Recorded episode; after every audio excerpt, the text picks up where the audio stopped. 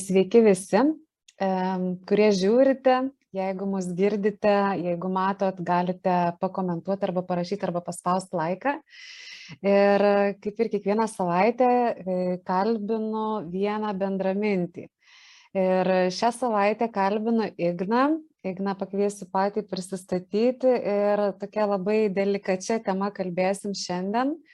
Tema, apie kurią daug nekalbama, tai apie psichodelikus. Tai labas Ignai. Labadiena.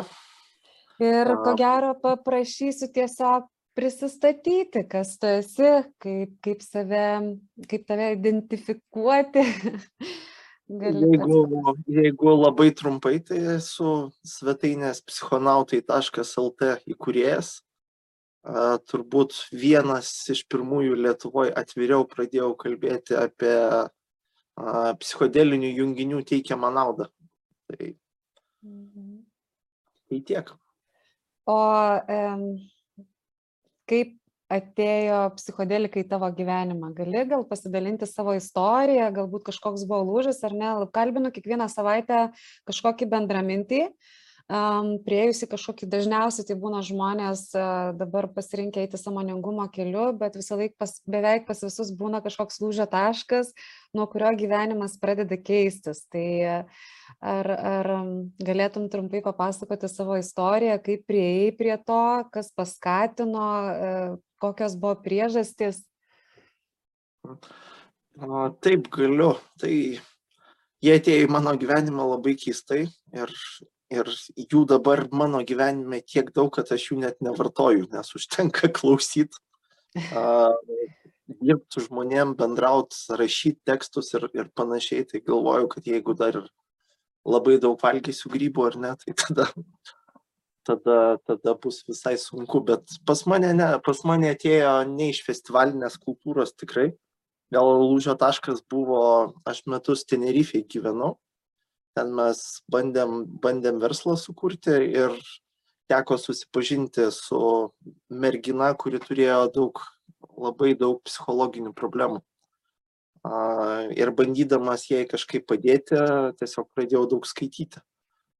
Ir mane labai nustebino ta tema, kad perskaičiau tokią nesąmonę, kad čia narkotikai kažkokie gali būti labai naudingi nes aš iki to laiko taip pat kaip ir dauguma turbūt tautiečių šiuo metu laikiau man čia ar LSD, ar grybai, ar heroinas, ar kokainas tas pats. Buvo vienas ir tas pats, jo, nes viskas, kas po to su tuo susiję, dažniausiai vadinama narkotikais, ar ne?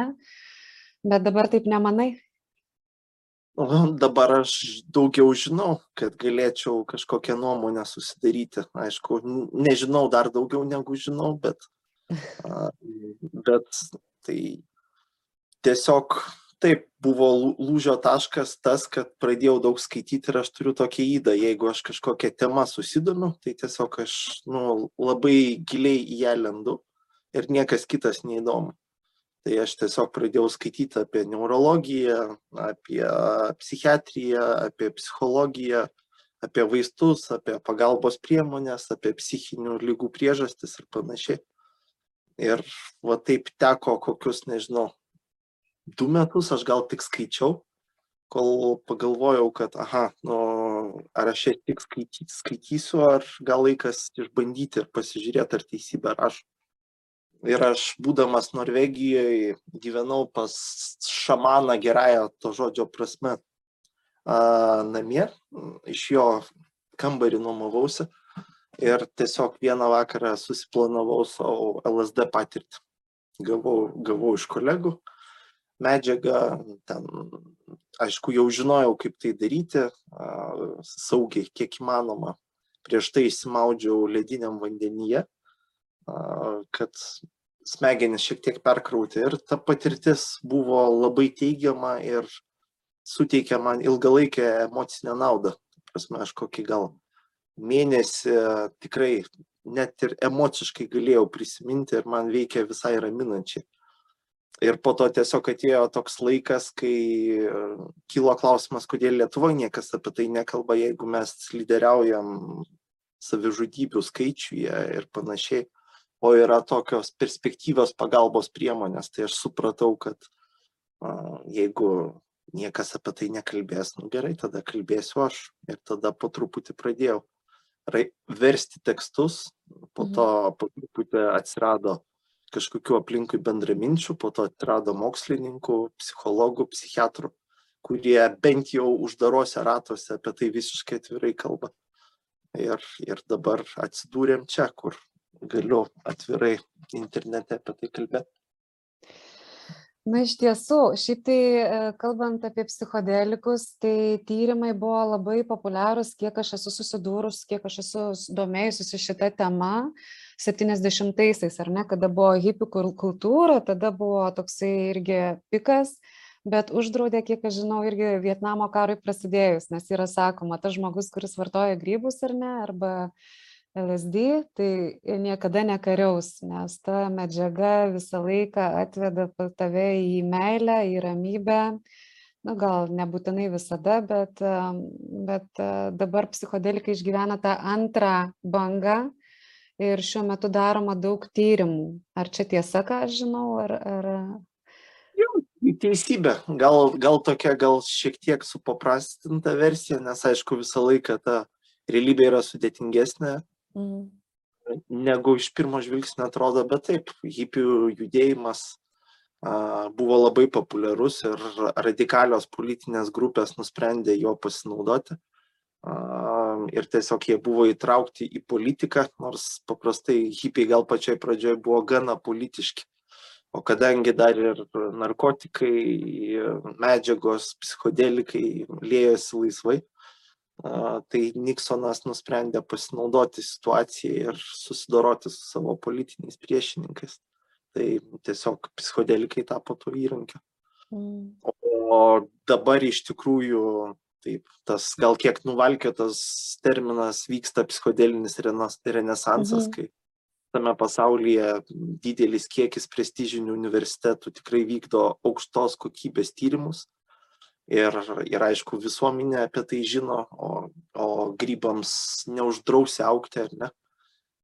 Ir jie auga labai lengvai, tai tos medžiagos yra tikrai santykinai lengvai pasiekiamas bet kam, nepaisant e, baudžiamosios atsakomybės ar ne mūsų krašte. Bet baudžiamoji atsakomybė už e, grybus, grybų vartojimą arba bent jau naudojimą e, gydymo tikslams tikrai grėsia ne visur. E, Kokiose šalyse tai yra legalu? Nu, kalbam dabar daugiau apie grybus, gal apskritai reiktų pradėti apskritai, kas yra psichodelikai ir kas po tą savoką slepiasi, nes greičiausiai net ne visi žiūrintis, ne visi ir supranta, ar ne? Tai dabar mes atskiriam savoką kad yra narkotikai ir yra psichodelikai. Tai kaip ir būtų dvi skirtingos savokos. Tai kas tada po... daugiau. Aha. Na, narkotikai tai žodis kilęs iš graikiško žodžio narkos, kas reiškia sustingti. Tai kiek man teko domėtis, tai medicinos profesionalai narkotikais vadina tokias medžiagas kaip heroinas, benzodiazepinai, tai ksanaksai visokie, alkoholis irgi yra narkotikas. Po to yra atskira klasė dar stimulantai, amfetaminas, kokainas, nu, tų medžiagų yra labai daug. Ne? O psichodelikai yra visiškai atskira junginių klasė, turi, turinti mažai ką bendro su visom kitom. Um, jie skiriasi pagrindę to, kad veikia žmogaus serotonino sistemoje ir absoliučiai nekelia jokios fizinės priklausomybės. Tai iš esmės jie veikia, jeigu trumpai tariant, kaip antidepresantai. Taip, jeigu tu labai trumpai tariant. Jeigu labai trumpai, tai jo, tai yra medžiaga, kuri, kuri padeda tau pasijusti laimingesniam, ramesniam. Aš gal nebūčiau linkęs tokių stebuklingų gebėjimų medžiagai Mhm. Priskirti, bet tarkim suformuoluočiau taip, kad gal tos medžiagos įgalina pokyčius, kuriuos tu vis tiek pats turi padaryti. Mhm. Jo labai teisingai pastebėta. Tai nėra stebuklinga kulka, ar ne? Kad Mhm. pa- pavalgiau grybų ir problema šis įsprendė. Mhm. Pavalgius grybų kas atsitinka? Kas atsitinka, tai klausimas nuo dozės ir kokių grybų, žinot, jeigu voveraitės valgo, tai su virškinimu gali būti sunkiau. Ne, jeigu rimtai, jeigu rimtai, tai vėlgi tai priklauso nuo dozės. E, yra ta vadinama rekreacinė, nors žodis labai keistas, nelabai aš jam pritariu. Mhm. Dozė ar ne, kai tas poveikis yra pakankamai švelnus. Yra terapinės dozės, terapinės dozės, aišku, mokslininkai apibrėžia, tai vėlgi čia sunkus klausimas, nes skirtingos, skirtingos grybų rūšės turi skirtingą psilocibino kiekį aktyviosios medžiagos juose. Tai kliniškai labai sunku vertinti, ar ne, kiek čia grybus, kiek gramų grybų suvalgius jau bus terapinė dozė, bet, nu, va toks priimtas turbūt standartas, kad, nu, kažkas apie 5 gramus, ar ne, populiariausių magiškų grybų jau turėtų veikti kaip terapinė dozė. 5 gramai, ar ne? Mhm. Maždaug. Gali būti mažiau, gali būti daugiau. Mikrodozavimas labai populiarus, nors aš gal truputį skeptiškai žiūriu, žvelgiant į mokslinius įrodymus. O kas vyksta poveikio metu, tai vyksta labai daug dalykų. Tai jeigu labai paprastai, tai turbūt a, sunaikinamas laikinai barjeras tarp sąmonės ir pasąmonės. Ir a, tai, kas mūsų gyvenimą iš tikrųjų kontroliuoja dažnai, į gerą ir į blogą, a, su tais dalykais mes esam priversti susidurti akis į akį ir tai gali būti tiek gydanti, tiek traumuojanti patirtis, ar ne? Mm. Nes baisiausius dalykus nuo savęs mes paprastai linkę slėpti. Mm.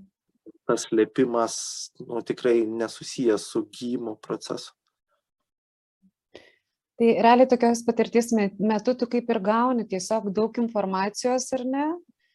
Ir po to klausimas, ką tu su to informacija darysi ir tokios gal net dažnai žalios informacijos, ar ne? Ne tai, kad nebūtinai gauni gražią istoriją, o gauni kažkokias, nežinau, pasąmonės atliekas, nu, mm. kažkas labai smarkiai vyksta ir kartais pavyksta ar ne nupasakoti, suprasti, įkišti į naratyvą, o kartais nelabai. Labai.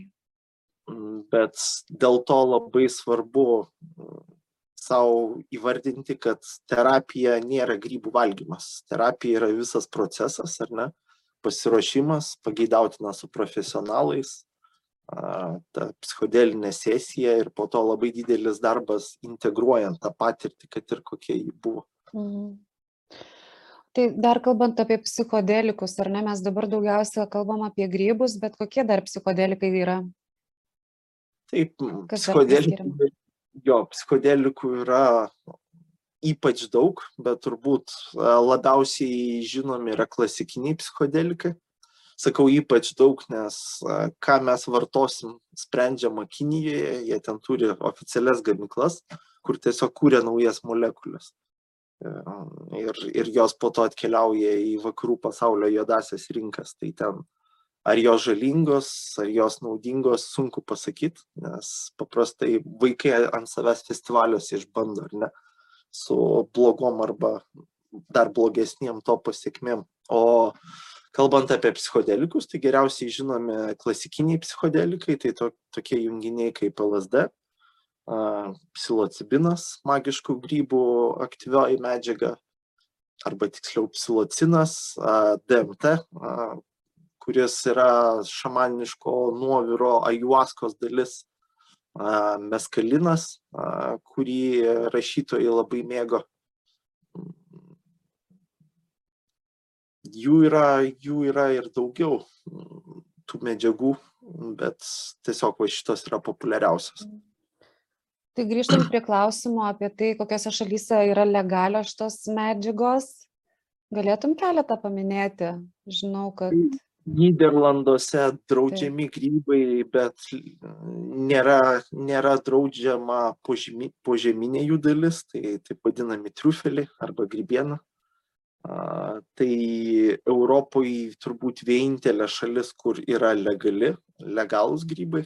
Yra po to daugiau šalių, kur grybai dekriminalizuoti, ar ne, kur mm, įstatymai adekvatesni, o po to Pietų Amerika, turbūt kitos vietos. Ir Junktinių Amerikos valstijų tam tikros vietos, pavyzdžiui, Oregonas priemė įstatymus apie legalizavimą, tik tai dabar vyksta di- didžiulės profesionalų diskusijos, kokią formą terapiškai jos galima būtų naudoti. Tai tų vietų po truputį atsiranda, bet iš tiesų jų labai mažai. Jų tiek mažai, kad mokslininkai matydami tų medžiagų naudą, potencialę, ar ne, ir vertindami jų realų saugumą, aš dabar nekalbu apie pasakas iš Rūsio, ar ne, klaidingas antraštės ir taip toliau, bet apie mokslinius duomenis, kad klasikiniai psichodelikai yra vienos saugiausių, jeigu ne patys saugiausi iš psichoaktyvių medžiagų, jeigu naudojame atsakingai kontroliuojamoje aplinkoje. Tai e, mokslininkai sukūrė tokį visai jokingą terminą arba modelį. Ne vieną teko skaityti mokslinę publikaciją, net kažką išverčiau. Tai vadinasi žalos mažinimo ir integracijos terapija. Tai skamba labai keistai, nu ką reiškia žalos mažinimo terapija, ar ne? Nes kaip ir visi žino, kad, a, a, ne visi žino, bet didelės pastangos dedamos ir Lietuvoje tam, kad politikai suprastų, kad persekiojimas ir represijos nėra tinkamas būdas tvarkyti su psichoaktyvių medžiagų problemomis. Tai žalos mažinimas yra vakaruose priimta ir pasiteisinusi strategija, kaip sumažinti draudžiamų medžiagų riziką. O dabar, kadangi grybų terapijoje dar yra labai svarbi integracija ir grybai daug kur yra nelegalūs, tai mokslininkai sugalvojo modelį, kad visgi profesionalai psichinės veikatos galėtų padėti žmonėm, kurie nusprendė imtis šitų medžiagų savigydai ir konsultuoti juos ir padėti integruoti jų psichodelinės patirtis. Ir jeigu žmonės tas medžiagas vartojo gerai išstudijavę ir kontroliuojamoje aplinkoje su priežiūra, prisimdami patys savo savo teisinę riziką, ar ne, žmogus žino, kad už tai grėsia baudžiamoji atsakomybė, jisai saugiu būdu gavo tų medžiagų ir pasirūpino, kad kažkas jį prižiūrėtų poveikio metu, poveikiui pasibaigus nubėgo pas savo psichoterapeutą. Tai va toks modelis aprašytas mokslininkų leidžia profesionalams, kurie domis šitas rytim, valdyti savo etinės ir profesinės ir teisinės rizikas ir vis tiek padėti žmonėms. Paradoksalu, kad gyvenam amžiui, kai kai kurie narkotikai yra visiškai legalūs ar ne, nu, pavyzdžiui, kalbant apie alkoholį, um, ir jis ant tiek yra populiarus ir tiek žaling, ir tiek yra straipsnių, tyrimų ir taip toliau, kad kiek jis yra žalingas žmogau, žmogui. Ir e, galim nusipirkti praktiškai bet kuriuo metu, bet kurioje parduotuvėje, o tai, kas iš tikrųjų naudinga žmogui, kuri kas sprendžia problemas, bent jau pradeda, padeda užvesti ant kelio ar ne, yra uždrausta, ar ne, kalbant apie pat, tą patį cukrų, ar ne, cukrus yra priklausomybė cukrui šiai dienai yra didesnė, moksliniais tyrimais įrodyta negu heroinui. Ir apie cukrų žalą irgi ko gero čia net nereiktų kalbėti, ar ne, jeigu žmogus vartoja cukrų, kad jam kiek grėsia daug problemų. Na, vat įdomiais laikais gyvenam, kad, kad tie dalykai, kas iš tiesų yra labai žalingi žmogui, yra uždrausti, o tas, kas gali padėti, padėti išspręsti kažkokias a, psichinės problemas ar, ar a, su tuo susijusias, yra uždrausta. Čia turbūt susiję su tokia, tokiu istoriniu reiškiniu, ar ne, kad mes labai mėgstam drausti tai, ko patys nevartojam. Taip. Arba ko, Jeigu... ko patys nežino, nes mano protas bijo tai, ko nežino. Taip. Tai, o, o kadangi ir taip informacijos labai daug, tai stengiamės naujos informacijos nepriimti iš paskutiniųjų. Narkotikai yra blogai ir taškas. Mm. Mokykloje tai sužinom, kad narkotikai yra blogai. Ir Nu, bet a, Vaikai jau įpranta, kad jiem pastoviai meluojama apie viską, tai vat, tokia yra problema, kad jie tada pradeda neišvengiamai anksčiau ar vėliau skeptiškai žiūrėti į viską, viską ką jiems mokytojai sako. Mm. Taip, nu, aš manau, kad edukacija apie psichoaktyves medžiagas turi būti, mm, turi būti mokykloje ir, ir ta edukacija neturėtų būti kažkokia, ar ne, melai, istorijos, siaubo pasakos, nu, turi tiesą sakyti vaikams. Nu, vaikams iš dalies yra labai įdomu, kas, kas yra uždrausta, nes nu, tas amžius ar ne paauglystė, aš pati auginu paauglius, tai kaip tik tas amžius, kad kuo tu jiems labiau draudi, tu jie labiau nori. Tada atsiranda labai daug nesaugių medžiagų vartojimo, ar ne, to bandymo, to slėpimosi, jie vis tiek tai daro, tik tai daro tada labai nesaugių jiems būdu. Tai taip, ir perka gatvėje, jodojų rinkoje, nu tiesiog, tai narkotikai yra tikrai didelė visuomenės problema, bet dar didesnė visuomenės problema yra narkotikų politika. Mm. O kokie yra, kokios yra rizikos, tarkim, vartojant, nu gerai, mes daugiausiai liečiam grybus ar ne, galim šitą temą tiesiog kalbėti, kokios yra didžiausios rizikos, vat moksliniais tyrimais pagristos rizikos vartojant e, grybus didžiausia rizika visgi yra vartojimas nesaugioje aplinkoje. Nes... Ką tai reiškia? Tai reiškia, kad jeigu tu vartoji kažkur ant stogo ar kažkur, ar... ar... Na, tai taip, ant, ant stogo iš viso blogai skamba, bet, bet apskritai, nu, bet kokia aplinka, kuri yra nekontroliuojama, kur mm. jeigu tavęs niekas neprižiūri, ar ne, nu, gal mhm. yra tokių žmonių, kur įpranta vieni tai daryti ir gal jų vat smegenys yra tokios struktūros, kad, nu, kad jie mažai rizikos savo kelia, bet, bet rizika yra jo, nu, yra ir, ir fizinė, ir psichologinė. Fizinė rizika, kad nu, kaip įvyko tose pačiose Niderlanduose, ar ne, kad ten kažkokia keista istorija, bet uh, už, kodėl uždraudė grybų vaisiakūnius, tai kad kažkoks turistas ar turistė per langą išskrido, paukščių pasijūtė.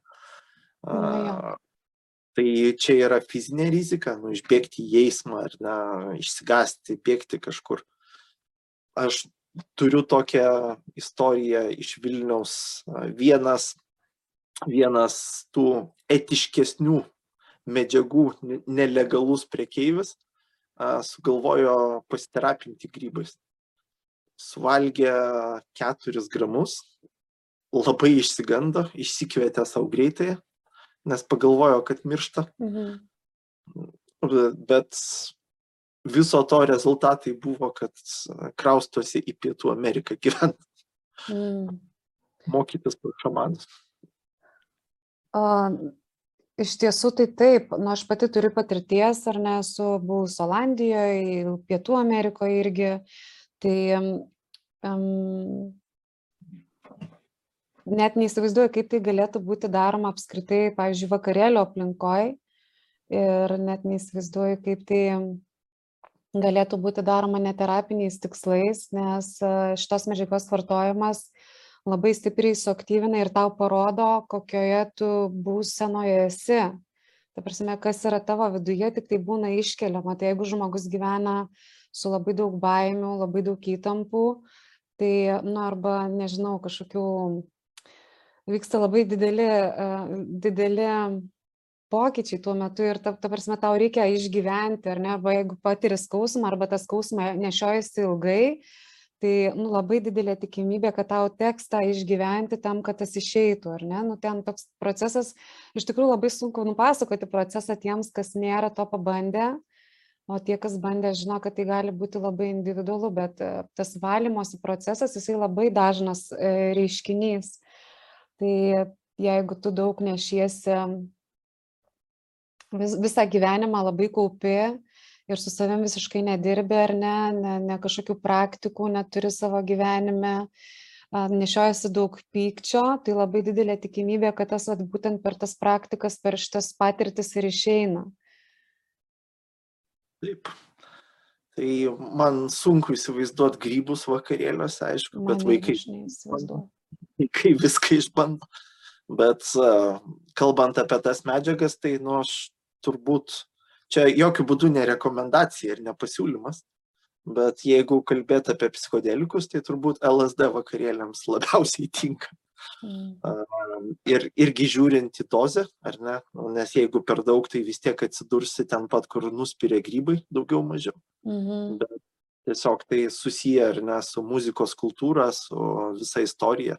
Bet su LSD yra problema ta, kad vėlgi, nors medžiaga yra santykinai labai saugi, ji yra draudžiama ir jeigu kažkas sugalvoja apsipirkti šitą medžiagą kažkokiam vakarėlį, festivalį, tai didelė tikimybė atsidurti reanimacijai vien dėl to, kad tu nežinai, ką tu perki, o pardavėjai nežino, ką jie parduoda. Tai vėlgi, tų grybus ar ne, jeigu esi matęs, tu pasižiūrės, matai, kad, nu, va, čia tie grybai. Turbūt sunku būtų sumaišyti su baravykais, o medžiagos kaip LSD, nu, tu nežinai, kas ten užlašinta tau. Tai gali baigtis labai labai labai liūdnai. Mm.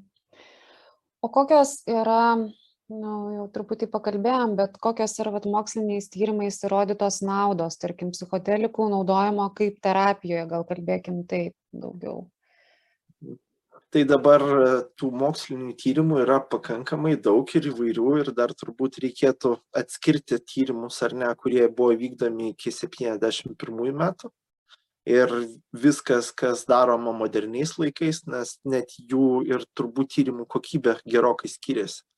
Kad nors dabar pučia, pučia dulkės nuo tų senų tyrimų protokolų, bet nu, jie ir pakankamai daug kritikuojami.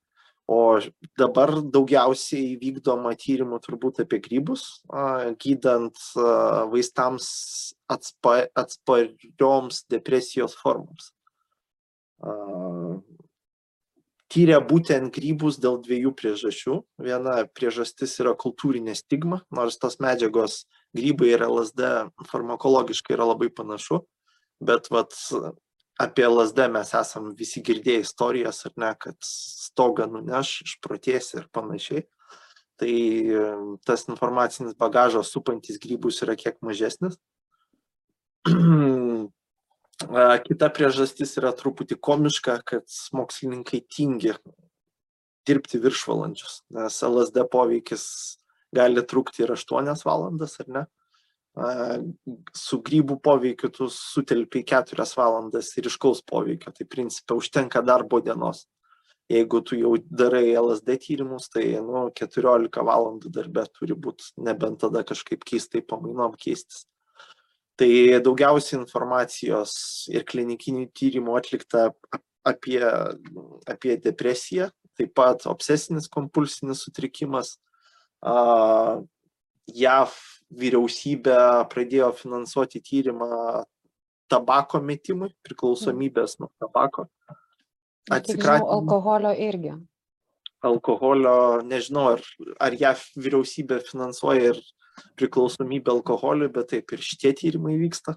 Mm. Ta prasme, bent jau apklausos būdu tai tikrai, ar klinikiniai ne, nesu tikras, reikėtų pasižiūrėti.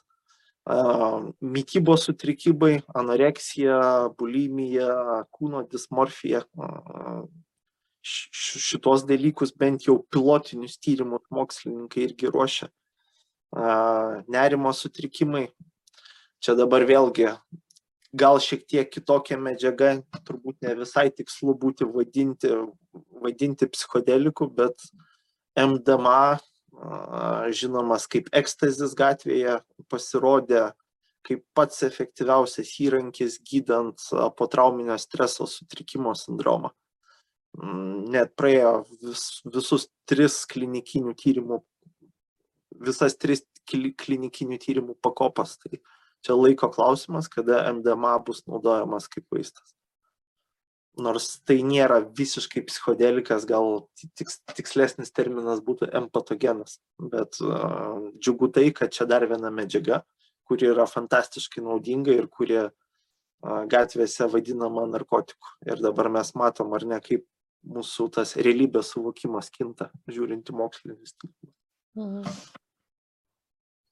Nu, e, vartojant tokią medžiagą labai plečiasi sąmonė, labai keičiasi sąmonė, labai keičiasi suvokimai, keičiasi pasaulio matymas. Ir bent jau iš mano pačios patirties, tai visos tos patirtys nuvesdavo visada, kad ir kokios jos ar skausmingos, ar kažkokios būtų, bet visada galutinis toksai išėjimas būdavo į didelę meilę, į didelį savęs prieimimą, į vidinę ramybę. Uh, bet aišku yra sakoma ir tai kad tai duoda tos tos ceremonijos ar ne ar ne su šamanais ten javaskos ir panašiai ar ten grybų naudojimas terapiniais tikslais duoda tai ko žmogui tuo metu labiausiai reikia. Toksai vat įdomus dalykas kad procesai vyksta visiem labai skirtingi priklausomai nuo žmogaus sukaupto bagažo nuo jo pasiruošimo nuo jo santykio su savimi su pasauliu tai kuo kuo tas pasiruošimas yra gilesnis stipria gir geresnis tai tuo to tos patirtys būna dažniausiai šiek tiek lengvesnės nes tu lengviau gali pereiti ar ne ten sukyla kažkokios baimės ar kažkas tai tu turi jau įrankių. Jeigu tu pavyzdžiui meditaciją praktikuoji tu turi jau įrankių kaip praeiti visą tai. Um, man truputėlį sunku gal suvokti nes neturi tokios patirties, kaip vyksta, jeigu tu neturi visiškai tos tokios patirties, nu, tarkim, meditacijos, ar ne. Ir jeigu tu toksai ateini iš to savo pasaulio, kur vadovaujasi vien protų ir iššoki tokį visiškai širdies atsiverimą, tai turėtų būti tokia kitokia labai patirtis, bet... Bet, bet iš... pasiruošimo psichologiniam traumom grėsia, aišku. Taip, tai vat šitas va šitą momentą gal reiktų atkreipti dėmesį kad jeigu kažkas nori išbandyti ar ne ar ketina važiuot į javaskos ceremoniją išbandyt kažkur ten peru džiunglėse ar dar kažkur tai kad nu bent jau iš mano toksai rekomendacija kad nedaryti to vat penktadienį gyvenau tą savo tokį gyvenimą ir penktadienį išvažiavau išskridau ir už kelių dienų džiunglėse sėdžiu kad vis tiek tas procesas turėtų dirbti su savim pradėt prasidėti šiek tiek anksčiau ar ne? Mitybą mitybą keisti um, režimą kažkokį turėti mintis savo stebėti um, medituoti ar ne joga labai padėt galėtų. Ta prasme išlaisvinti jau iš anksto ten nu dabar šiai dienai tiek yra informacijos ir žinių apie visokius emocijų paleidimus ir taip toliau, kad nu, va, tiesiog ta, tu, tais visais dalykais naudotis jau prieš praktiką ir prieš patirtį. Tai tada lengvesni procesai ir tada eini tiesiau greičiau prie esmės, o ne į savo valymosi, nes tu bet kuriu atveju, turėdamas tokią patirtį, turėsi valyti savo kūną, turėsi valytis, nu, ta prasme, tai gali vykti ceremonijos metu ar ne patirties tos metu, arba tai gali padėti anksčiau, ir tada išgyvenimai, nu, didesnė tikimybė, kad jie bus lengvesni. Taip, o, su ajuaska apskritai gan sudėtinga dėl to, kad dar ir atsirinkti, kur važiuoti, ar ne? Taip. Nes taip išpopuliarėjo va, toks terapijos būdas, kad vakariečiai tiesiog plūste plūsta į Pietų Ameriką, o ten, kaip ir pas mus, toli gražu ne kiekvienas šamanas yra šamanas. Ne, labai svarbu energija žmogaus, su kuriuo tu dirbsi. Ir energija, ir kompetencija, ir medicininė pagalba, ir nu, labai daug dalykų, jau nekalbant apie seksualinį smurtą, kur, kurio atveju buvo prieš moteris poveikį, ar ne. Tai truputį jo. Ajuaska yra beje šiek tiek gal fiziškai pavojingesnė už grybus, vien dėl to, kad farmakologiškai tam nuovirė ten daugiau ingredientų yra, mhm. ne? Ten yra ne, ne tik DMT, bet ir MAO inhibitorius, kas, kas kažkiek kardiovaskuliarinę sistemą ar neveikia. Jeigu yra kažkokių širdies įdų ir nepasiruošus važiuoji, tai nu, tikrai yra buvę mirčių džiunglėse. Tai tuos dalykus reikia labai atidžiai planuotis. Be to, turbūt lyginant grybų su ajuaska, tai vėl yra panašumų dėl to, kad tiek psilocibinas yra dimetiltriptamino formo, tiek, tiek ajuaska. Tai galbūt pirmas kartas gal net ir saugiau su grybais būtų negu mm. iš karto važiuoti ar ne šamanų. Jo, ieškot. švelnesnį, švelnesnį uh, poveikį šiek tiek turi bent jau. Dėl, dėl švelnumo nežinau, čia vėlgi nuo to priklauso. Nu taip, taip, taip. Jeigu Mm, kažkas tai neįmanoma. Nu, ta prasme, įmanoma ar ne psichologiškai, kad tau gali būti labai intensyvu ir nu, tikrai gali užsidirbti psichologinę traumą, bet nu, fiziškai grybų perdozuoti nėra įmanoma. mm. Jo, kažkaip aš kartais pagalvoju, kad jeigu viso pasaulio žmonės nors kartą gyvenime paragautų grybų, nu, turiu menį, kad turėtų tą grybų patirtį arba javaską, tai ko gero a, didelė tikimybė, kad išnyktų visi karai, išnyktų um, depresijos bent jau kažkuriam laikui. Va taip įsivaizduokim, kad šiandien visa, visas pasaulis, visi um, turi grybų ceremoniją. Jo, aš šitą turbūt minties eksperimentą atliko kiekvienas psichonautas galvoje.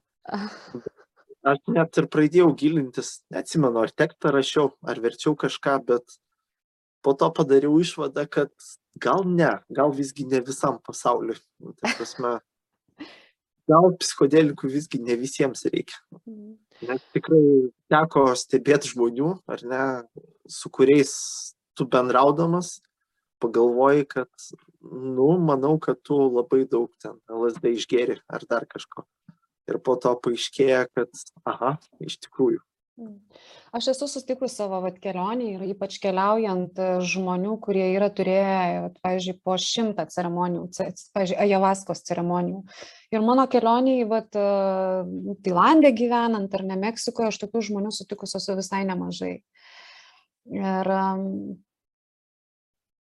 ir kartais irgi vat, apie tą integraciją, ar ne, vat, tada galvoji, vat, kodėl žmogui reikia daryti ceremoniją kartą per mėnesį, ar ne, kažkada jisai darėsi ten kiekvieną dieną, paskui kartą per savaitę, kad, nu, jisai greičiausiai neturėjo, nu, nemokėjo integruoti tų žinių, kurias jisai gavo. Ir tai tampa tam tikra irgi kita priklausomybės forma. Tai ačiū Dievui, kad šita priklausomybė bent nekenkia kitam, ar ne? Nu, pavyzdžiui, alkoholio priklausomybė labai dažnai kenkia aplinkiniams. Sakau, alkoholis labai ištraukia daug a, tokių agresijos žmogui ir ne, ir, ir to nesivaldymo. Ir o šita tokia, nu, jinai vis tiek turi tą, tą savo ir teigiamą pusę, net jeigu ir tai daroma dažnai. Bet e, taip yra labai svarbu po to su ta informacija, kurią gauni, kažką daryti, kažkaip integruoti į savo gyvenimą, pasimti tas žinias. Ar Taip, yra? mano Aplinkoje man teko sutikti žmonių, ar ne, kurie naudoja psichodelikus vėl tam, kad suprastų psichodelikus. Tai toks gaunasi kaip keistas užburtas ratas, ne? Mm, Aš nemanau, kad psichodelikų nauda yra tame, kad mus visiškai iš realybės ištempia, ne? Ir, ir mes bandom nuo jos pabėgti. Jų nauda yra, kad į realybę pažvelgti gal platesniem akim truputį. mm. Jo, iš kitos pusės parodo kitas perspektyvas ir parodo labai dažnai, nes tu labai dažnai situaciją matai tik tai per, per tą savo prizmę ir kartais supranti, kad ta situacija yra, nu, yra dar penkios pusės arba dar dešimtų pusių kitokių. Ir kad tai irgi gali būti tavo tiesa ir realybė, tik tai tu pasirinkęs esi vat tą. Tai yra, yra Lietuvoje psichologų, kurie, tarkim, irgi turi kažkokios tokios e, žinių ir patirties ir kurie gali padėti integruoti tą visą procesą po. Yra, nu, Taip, mes jų labai intensyviai ieškom ir jų vis atsiranda. Tai mm. aišku, ir atsiranda tokių, kur e, žmogų išmeta iš kabineto, jeigu jisai pasako, kad aš čia grybus bandžiau arba bandysiu. Mm. Tai dar turbūt su švietimu reikia daug dirbti. Nu, aš kiek esu buvus, pavyzdžiui, Ajavaskos ceremonijų, tai tikrai nemažai psichologų yra dalyvavę kaip dalyviai kartu su manimi, tam, kad jie galėtų save plėsti ar ne, kad ne kažko irgi sužinoti naujo pasimti. Ir dar kitas dalykas, vat, tarkim, kalbant apie tokias patirtis, kad tai iš esmės labai didina tavo vidinę jėgą, ar ne, nu tokia žmogaus stiprybė, ar ne, tokia pasitikėjimą savimi. Ir jeigu žmogaus intencijos būna ne visada, nu, pavyzdžiui, geros, atsiranda to tokio um, noro valdyti kitus. Tai va tas irgi, va, gal čia irgi labai svarbu šamanas ar ne, su kokia, su kaip dirba. Bet aš noriu pasakyti, kad kartais, nu, va, ant tiek žmogus pasidaro galingas šitus dalykus vartojant, nu, bent jau ten nebūtinai vartojant, kaip žinai, reguliariai, bet bandymo būdu, kad um, tavo galę sukelia, tik tai tada labai svarbu um, kaip panaudoti tas žinias tiems geriems tikslams. Jo, nu, yra, yra čia toks mitas, ar ne, kad psichodelikai sumažina ego. Ne. Tai galbūt. Tu numirt gali, ego mirtį gali išgyventi, bet kartais tas, kiek va pažįstu tokių, kas išgyveno ego mirtį, tiem labai dažnai tas ego dar labiau išauga. Tu šitą va, labai Čia net neurologiškai paaiškinta, nes va, ta, tas rytis smegenų, kurie, ne, kurie metūno mūsų ego, kurį deaktyvuojama poveikio metu, mm. jinai po to užmesga daugiau ryšių su likusiam smegenim. Tiesiog, nu, neurologiškai įrodyta su funkciniu magnetiniu rezonansu ir panašiai. Tai išvertus į mūsų mirtingųjų kalbą, tai reiškia, kad ego sustiprėja, ar ne? Ir vienintelis būdas dirbti su tuo ego yra atsiminti tą būseną, ar ne, kai aš buvau susiliejęs su pasauliu, kai aš nebebuvau toks svarbus. Ir turbūt atpažinti, ar ne, kai mūsų ego prasimušinėja ir suvokti, kad, aha, kad ego nėra tik tai ego nėra visas aš, aš jį turiu, man jo reikia, ar ne, kad funkcionuoti šitam pasaulyje, bet uh, žinoti, ar ne, kada galima ir stabdį nuspausti. Jo, e, čia yra toksai labai slidus reikalas ir Lietuvoje nepaslaptis tikrai yra nemažai mokytojų, vedlių ar ne, kurie turėjo daug ceremonijų ir vat, dažnai prasilenkia po to kaip pasakyt, tos dvasinės tiesos ar ne, tos dvasinės vertybės su tuo, ką jie iš tikrųjų daro su žmonėm, ar ne, didina prisirišimą, iš esmės kiekvieno vedlio turėtų būti, nu aš čia nekalbu apie psichologus, nors ir psichologam tas pats galioja, kad padaryti taip, kad žmogus būtų pakankamai stiprus ir atsakingas už savo gyvenimą ir kad jam nereiktų eiti pas tave. O, bet kartais matai, kad nu, vat, kažkoks žmogus kaip tik didina tą tokį žmogaus priklausomybę nuo tavęs, kad jisai ten eitų ir eitų ir eitų pas tave, ar ne? Tavo iš esmės turėtų būti tikslas duoti įrankius. Puikus verslo modelis, ar ne? Taip visi Taip. kultai kūrėmi. Taip, aš tik noriu pabrėžti, kad nu, tas šamaniškas būdas nėra vienintelis būdas, ar ne, naudotis tų medžiagų teikiamą, teikiamą naudą. Jisai nėra nei geras, nei blogas pats savaime, ar ne, tas vis tiek šamanizmas suteikia ar ne kažkokio sakralumo turbūt svarbos šitam įvykiui. Vat yra tokia nauda ar ne, kad tai nėra tiesiog ar ne, aš pas save mėgamajam grybų suvalgiau. Tai kažkokias padeda gal intencijas suformuoti, bet vakaruose psichodelinių tyrimų metu, tai ten gal truputį ir naudoja kažkokių nu, šamaniškų dalykų, bet gal labiau kaip metaforas bet tiesiog du slaugytojai, ar ne, akis uždengtos, muzika ausyse ir tiesiog slaugytojai stengiasi nesikišti procesą ir po to tiesiog padeda, padeda integruoti. Tai yra ir toks būdas. Aš nepuolu teikti, kad jisai arba geresnis, arba blogesnis, bet uh, su šamanais problema ar ne, kad, nu, aš tikiu, kad Pietų Amerikoje mes tikrai jų galim rasti ar mes turim gerų šamanų Lietuvoje, mm, atviras klausimas, aš negaliu jį atsakyti. Na, nu, aš Lietuvoje nelabai turiu e, patirties, tai, bet aišku, visokių istorijų pasiekia. Jo, istorijų kai kurie. Tai, nu, mes turim dar kelias minutės pokalbiui, tai gal kažkokį tokį apibendrinimą galima padaryti, vat, kažkokius taškus galbūt sudėti, um, svarbius momentus. Na, kiekvienas ar ne turbūt labai naudingas įrankis yra ir labai pavojingas. Ne, mes kažkada žmonija sukūrė automobilius, ar ne? Jie labai naudingi, leidžia greitai nukeliauti iš vieno taško į kitą, bet principė kiekvienas automobilis yra balistinis ginklas, ar ne? Ir um, troleibusų stotelės Vilniuje tai puikiai žino, ar ne, kai BMW atsitrenkė jas. Arba Mhm. dar blogiau. Tai aš manau, kad tęsiant tą metaforą, turbūt, kad psichodelikai be pasiruošimo ir be intencijos tiesiog grybų valgymas. Tai yra kaip automobilio vairavimas didžiuliu greičiu be vairo stiprintuvų. Ar ne, tu mm, jo nesuvaldysi, žinai. Ir, ir tai gali, gali atnešti labai liūdnų pasiekmių. Kita vertus, kita medalio pusė, kad mūsų visuomenė absoliučiai nesidomi, kas yra žalinga, kas yra naudinga. Ir, ir tiesiog mes gyvenam tam blogų pasakų pasaulyje. Mhm. Tiesiog viską, ką tau bando kažkas papasako, tau reikia turbūt tą informaciją patikrinti. Nes politikai tiesiog priimdami sprendimus, jiems moksliniai tyrimai neįdomu, jie tiesiog klauso ištempia ausis, kuo tiki jų rinkėjai ir tada jiems pataikauja. Rinkėjai prisiklausė irgi visokių istorijų, kad čerka yra čerka, o narkotikai yra blogai. A, Tai va ir gyvename toj didžiuliai informaciniai inercijai, mm, politiniam oportunizme.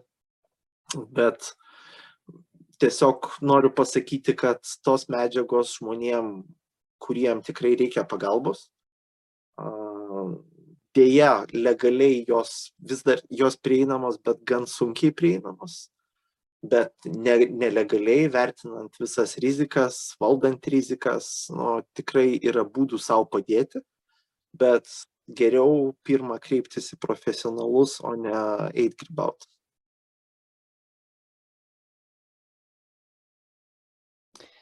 E, Kalbant dar toksai, vat, man dar viena mintis tokia kilo, ar ne?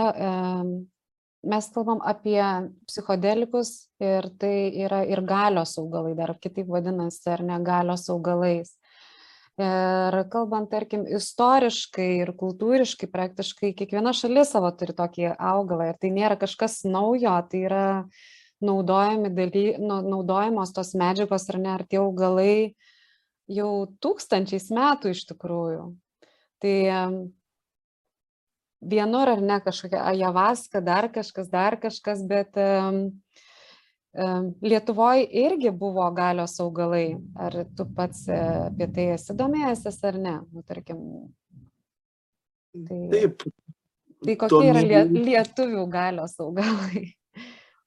do, domėjausi, bet uh, kažkaip vat, nesuradau, ar ne, kad pas mus kaip Pietų Amerikoje būtų kažkoks labai didelė kultūra susijusi su kodelikais. Taip mes visi žinom drignės, durnaropės, ar ne, ten kitus augalus.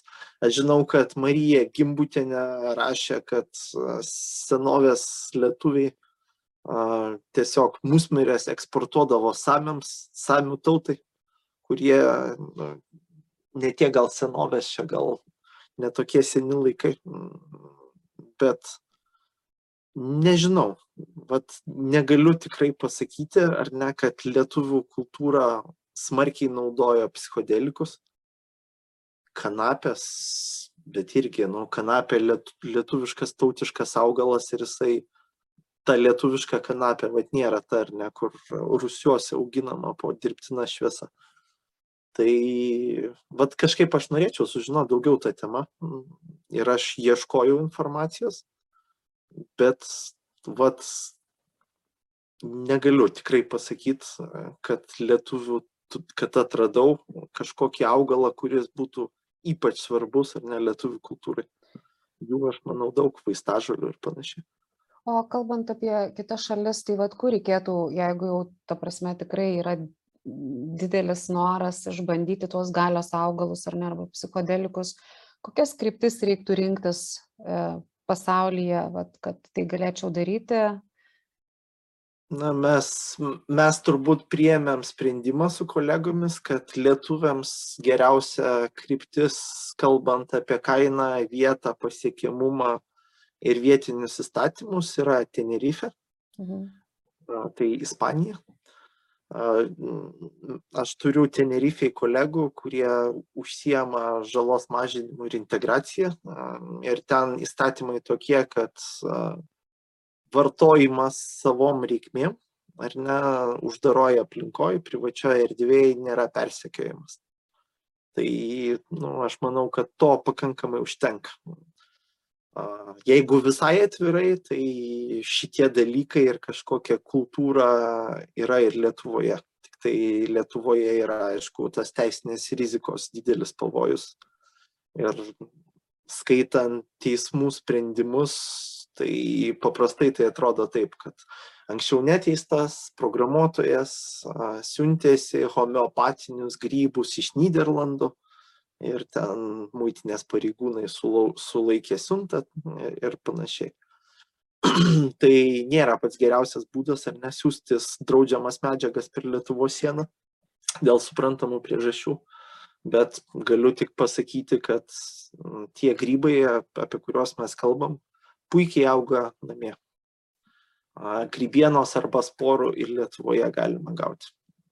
Tai nematau didelės priežasties rizikuoti siunčiantis kažką iš kažkur, jeigu nėra galimybės išvykti. Tiesiog gerai paieškojus galima surasti psichoterapeutų, psichiatrų, kurie pakonsultuos galima surasti žmonių pažįstamų su tais medžiagais, kurie gali, su tom medžiagom, kurie gali užtikrinti saugumą. O kita opcija tai yra Niderlandai. Tik tai tiek, kad tie visi legalūs retrytai, jie pakankamai brangus. Dar visada yra Pietų Amerika. Taip. Tai tas pats Tailandas, tas pats Tailandas dabar yra nuo Liepos mėnesio leis auginti kanapės visiems namuose savo reikmėms. Ir čia pas mus irgi, vat, kur aš gyvenu, yra visa net grybų gatvė, nu kaip ir teoriškai tai ne. Jo, pas mus yra grybų gatvė tik tai ne nesu čia turėjus jokių ceremonijų ir patirčių kiek žinau silpnesni ir galbūt nu tiesiog tada jau kiekis kitas tai tai va bet turiu nemažai draugų kurie tą yra praktikavę ir čia Ir, nu, Pietų Amerika populiari, dabar ypatingai populiarėja, ar ne, ten jie neturėjo COVID visokių reikalavimų, tai ir ta pati Peru, ir Meksika, ir aplinkinė šalis, ten ta kultūra, ko gero, ko gero artimiausia. Taip, bet reikia gerai namų darbus padaryti. tu važiuoji. Jo, reikia gerai namų darbus padaryti. Tai va. Nu ką, tai iš tikrųjų dėkui labai už pokalbį. Labai ačiū už pasidalinimą. Dėkui tai... Jums, labai džiugu, kad atsiranda tokių žmonių, kur nebijo atvirai kalbėti.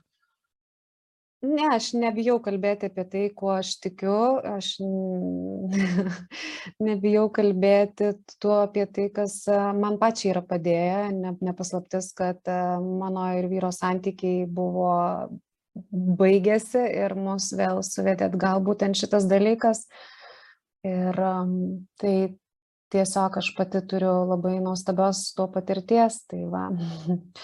Tai kažkaip norisi kad vis daugiau žmonių išgirstų kad yra alternatyvų kad yra alternatyvų antidepresantams ar ne kad yra alternatyvų e, torto nuolatiniam valgymui ir cukrui alkoholiui. Ir yra alternatyvų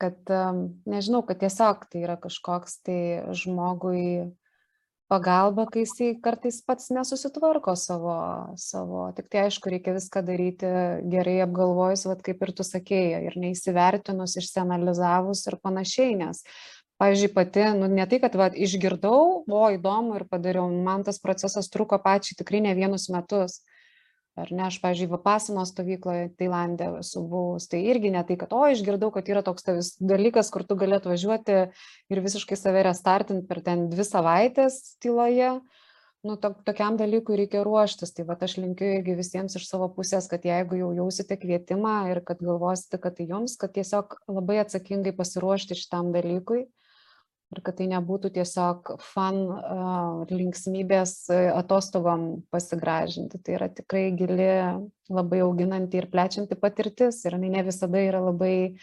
džiaugsminga proceso metu. Tai va. Džiaugsmingos patirtis kelia įtarimą.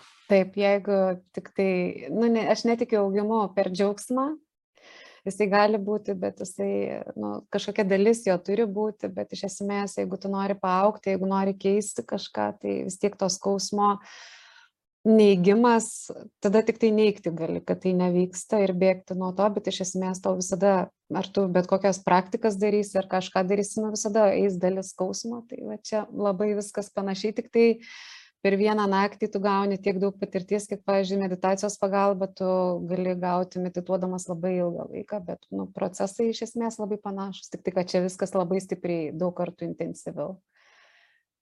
Tai va. Taip, to paties lizdo paukščiai. Gerai pasakyti. Ačiū, Ignai. Tai jeigu visiems, jeigu patiko, kas klausėte šis pokalbis, tai um, galite dalinti su savo draugais. Uh, visus kontaktus Igno rasite uh, tiek grupėje, tiek YouTube kanale suke, suke, sukėliau. Ir, um,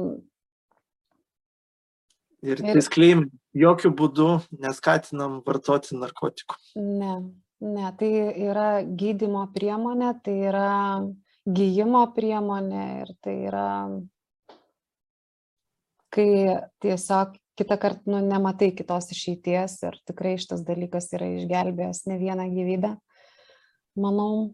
Ir, ir kad tai netaptų irgi tiesiog pakaitalu realybės kažkokiam pripažinimui ir suvokimui. Dėkui labai.